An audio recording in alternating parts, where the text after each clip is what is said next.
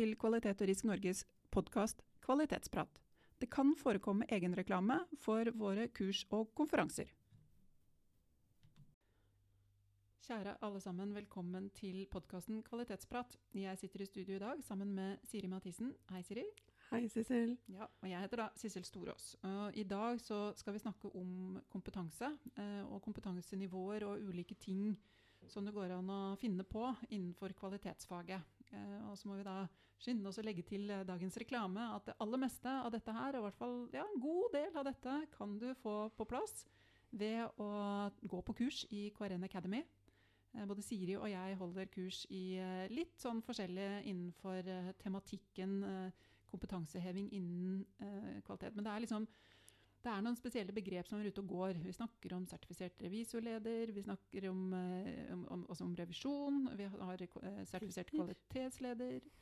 Vi har sort belte og grønt belte og gult belte og diverse sånn. Og det er mange sånne roller, prosesseier, altså det er en del sånne ting som ting går igjen. Så ja. Det er jo en del begreper, så det er veldig greit å kunne gå gjennom og bare gjøre dere litt, litt kjent med de begrepene, hva de innebærer for noe. Så kan dere vurdere om dette er noe som er interessant for dere å forholde dere til, og gjøre noe mer ut av.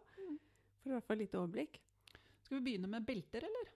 Ja, belter syns jeg er fryktelig vanskelig, og jeg vet du har fortalt meg det før, men jeg har fortsatt ikke landa dem helt.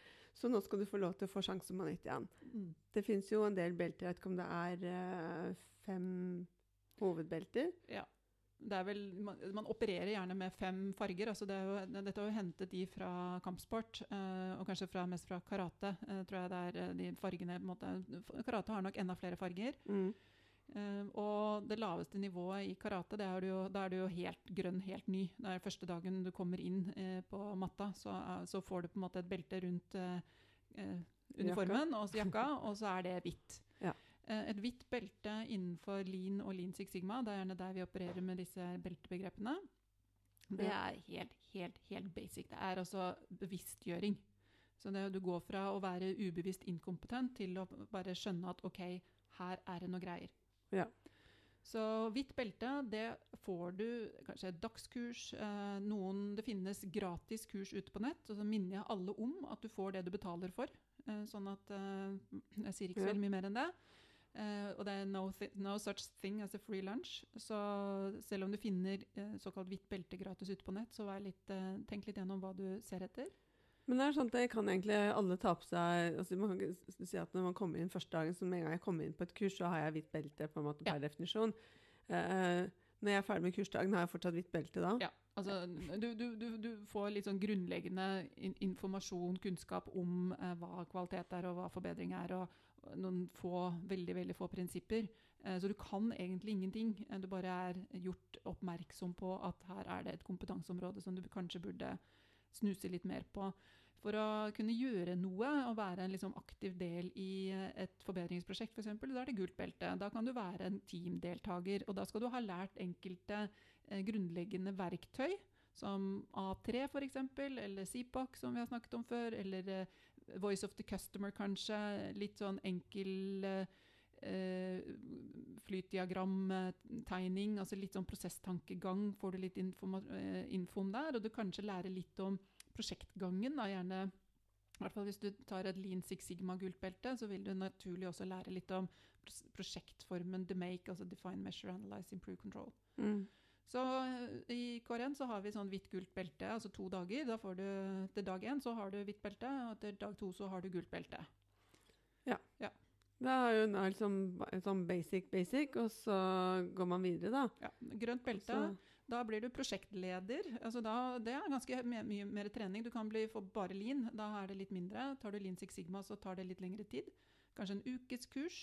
Eh, hvor du lærer faktisk en del av denne statistikken som er eh, en del av Six Sigma-verktøykassa. Eh, ja. Jeg er jo egentlig ikke noe glad i disse begrepene. Jeg tenkte la, la oss snakke om kontinuerlig forbedring. Da. Så har en, en, saftig og god og velfylt verktøykasse, og så finner du ut hvilke problemer du har, og så bruker du riktig problem. Det er noe med at hvis alle problemer ser ut Hvis det eneste verktøyet er en hammer, så ser alle problemer ut som en spiker.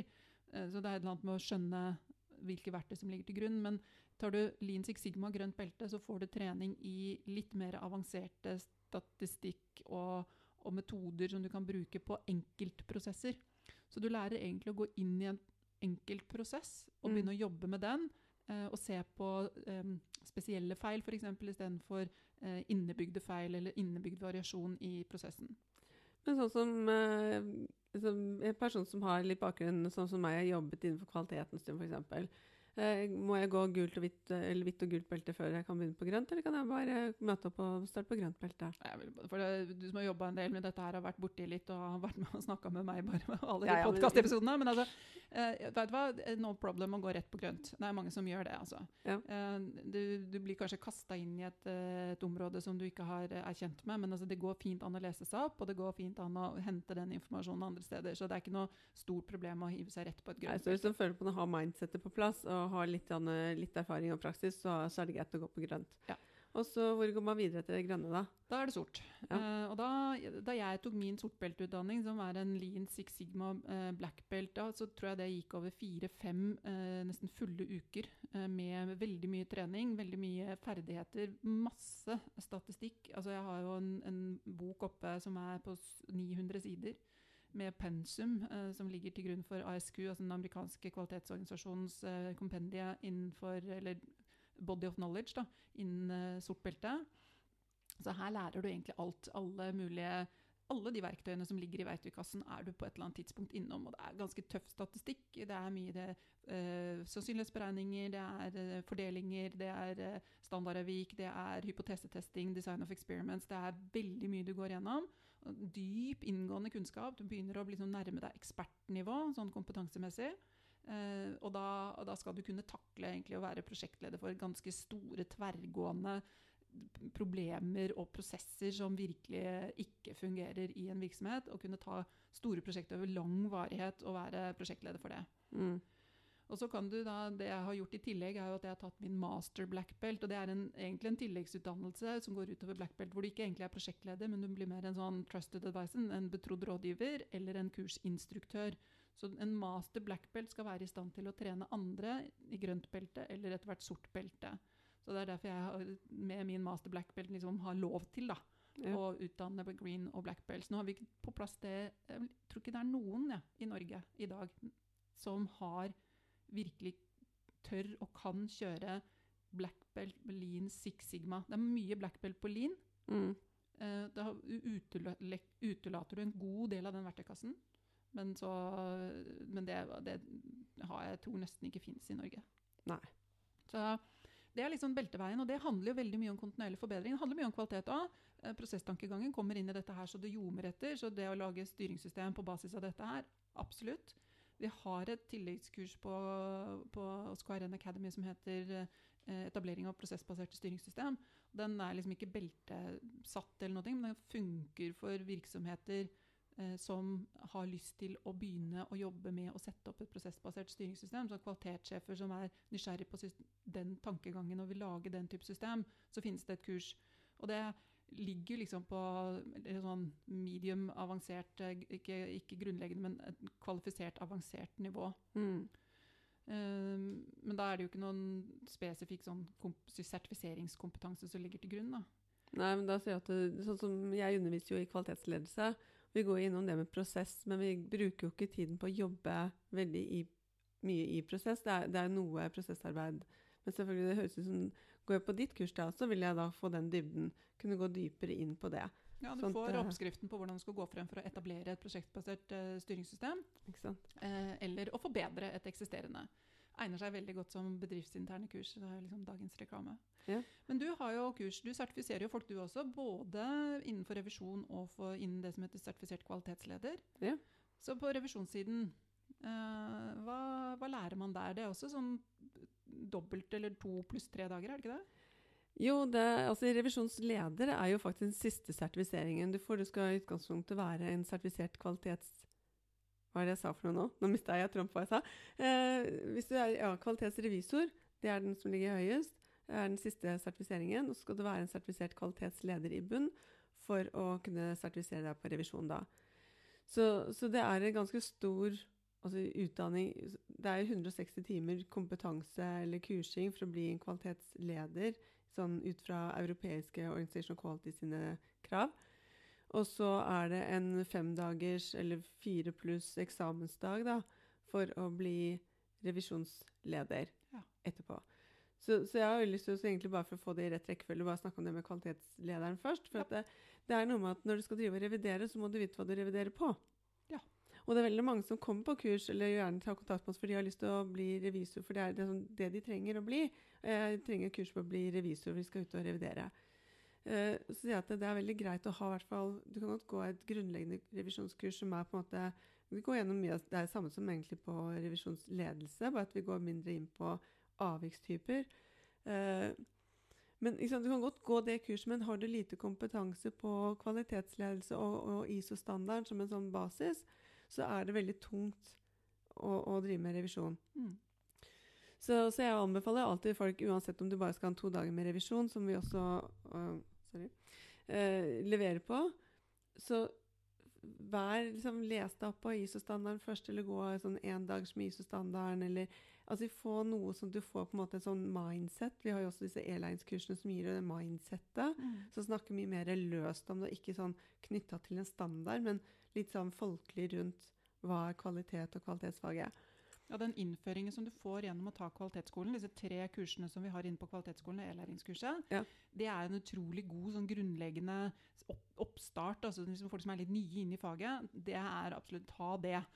Ikke dyre og veldig greie og veldig fleksible. Så det er bare å ta kontakt med KRN, så får du eh, tilgang eh, til, til de, de kursene. Og det er jo en kjempebra start, enten du skal gå revisorveien eller eh, som du sier, bli kvalitetsleder først. Mm. Og så begynn å ta revisorveien etterpå.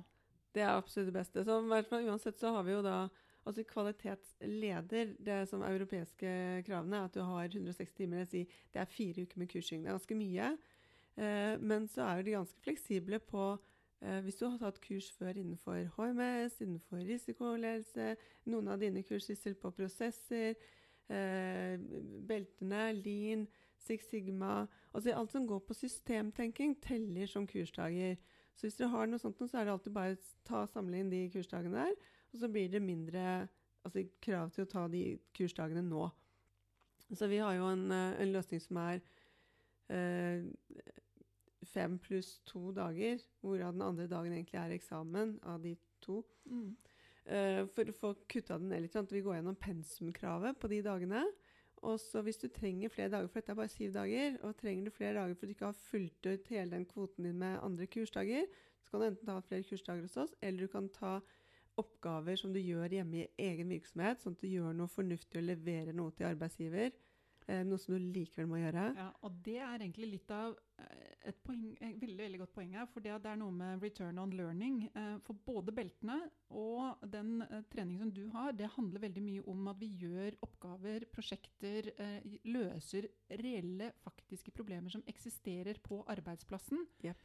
Så når du da kommer ut i andre enden, så har du forhåpentligvis løst et problem eller laga system som har en gigantisk bra return on learning. Du, den investeringen i de kursene som du har hos oss, det får du virkelig igjen for. for du, du, enten det er et forbedringsprosjekt eller det er et kvalitetssystem-type prosjekt, eller hva det enn måtte være, så løser du jo faktiske problemer på arbeidsplassen med de teknikkene du lærer på kurset.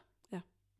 Så det er kanskje både når det gjelder uh, beltetankegangen, eller så du, du, lærer deg ting som du har umiddelbar bruk for. da. For det er utrolig godt å bare få testa ut med en gang. Altså Nå har vi lært noe, har du vært på kurs, lært noe, bruk det med en gang. Mm. Så får du mulighetene, så det er, det, det er gull verd. Så, så det er liksom Og som sagt, den der har jo sånn pensumkrav, og så er det krav om at du skal ha fire års eh, erf praksis, erfaring. Jeg baserer på at man har høyere utdannelse. De aller fleste i Norge har det, som er Compass-kursene. Og så fire års praksis, hvorav to år innenfor kvalitetsfaget. Det er det de sier. Og så er dette kurset. Og så tar du en eksamen. Uh, og det er en eksamen som ikke styres av oss i KRN. Dette går til norsk sertifisering, det er de som styrer det. Uh, og det er en eksamen som brukes så en og en halv til to timer, litt avhengig av om det er muntlig eller ikke muntlig med på, på eksamen. Uh, på de jeg har, så er det alltid muntlig eksamen, og det, det går kjempebra.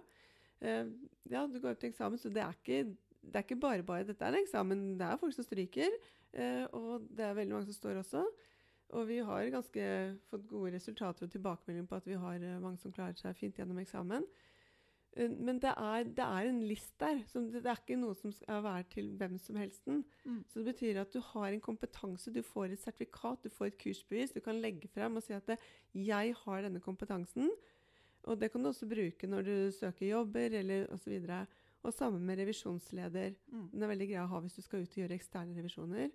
Nå, nå, det er akkurat det. for Nå nevnte du noe som egentlig er litt viktig, som jeg ikke sa med beltene, og som er ganske greit å få med seg. fordi det du snakker om her, det er norsk sertifisering, det er EOQ, det er et eller annet sånn systematikk som ligger bak denne sertifiseringen. Mm. Det skal man være ganske klar på.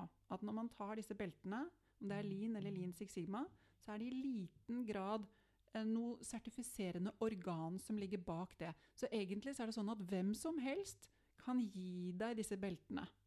Så det, det, er derfor det er sånn, når, Særlig når du begynner med disse beltene, her, så vær, må være sånn kjempenøye med hvem du velger å gå til. Hvem du velger ut som skal lære deg opp, og velge hvem du er som måte, har eh, rett kompetanse og kan liksom stå for det beltet, og hva det beltet faktisk er verdt. Mm. Så Jeg tok jo min utdanning i, Finland hos Greg Watson, som var med på å bygge opp hele Six Sigma kompetanse, body og knowledge i sin tid gjennom Motorola. Han skikkelig til kilden.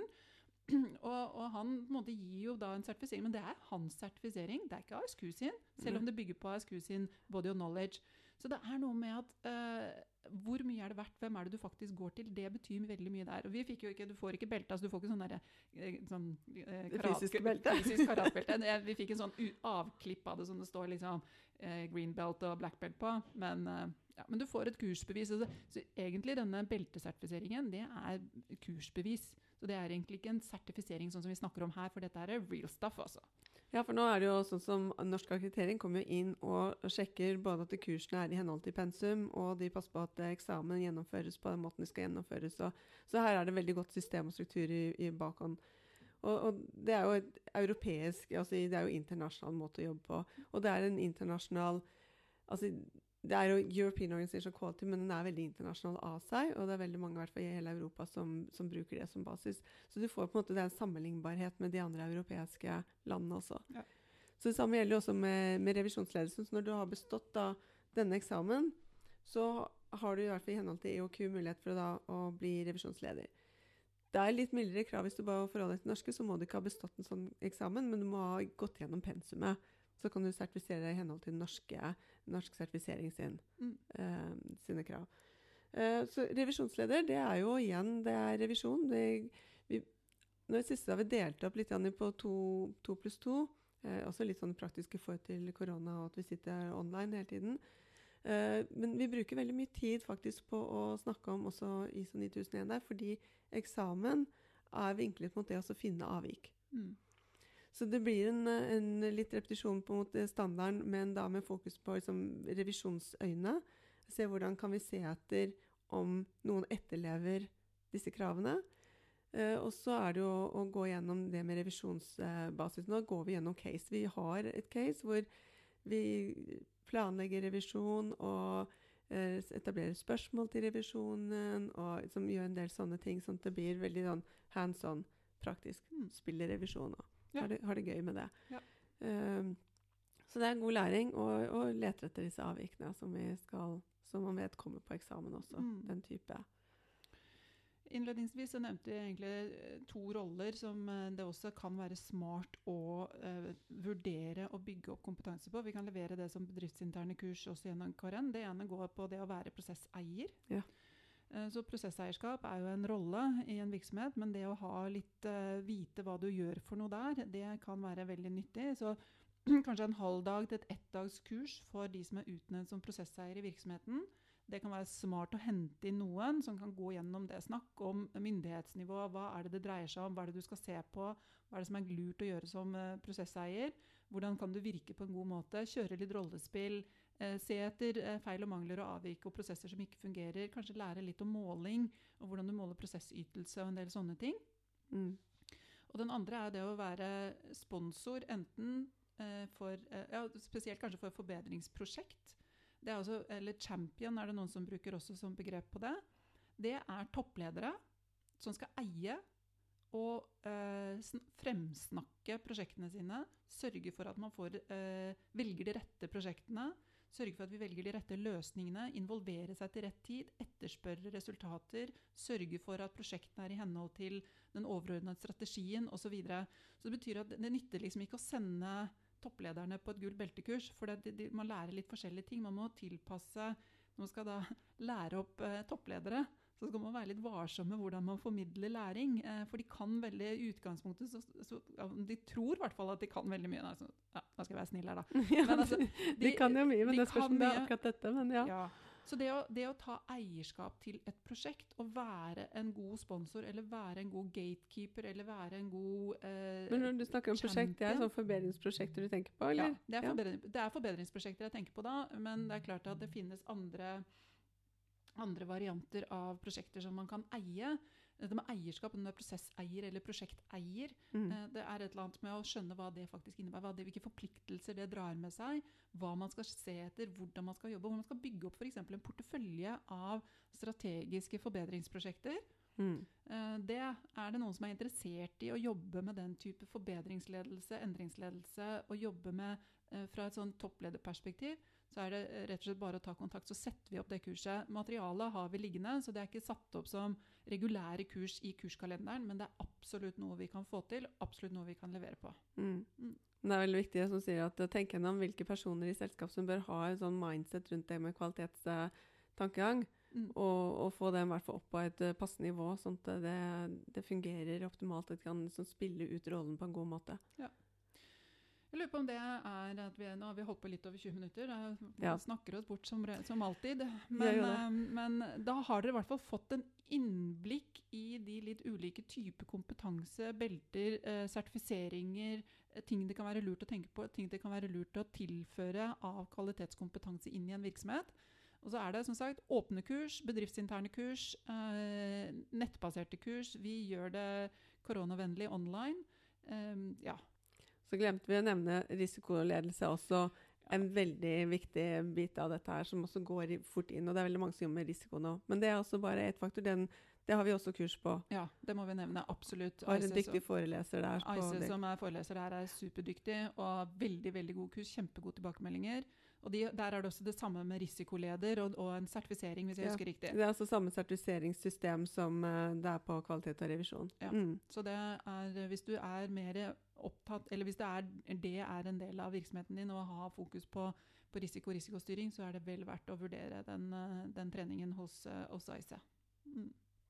Bra. det Fint å komme på det, Siri. Vi snakker bare om kvalitet, men risiko er viktig òg. Ja, ja, ja. Må få med det også. Yes. Mm. Men da folkens, da tror jeg vi sier takk for i dag, og så høres vi eh, neste gang. Ja. Yes. Ha det bra. Ha det. Programledere for denne podkasten var Siri Mathisen og Sissel Storås. Eh, ansvarlig produsent er Torolf Paulshus. Produsent er Bent Vigeland. Administrativt Anlegg Åstad. Musikk Karsten Boe. Studio har vært i KRN sine lokaler i Sandvika, og vi har fått teknisk bistand fra Jakob Storås hos S Media ungdomsbedrift.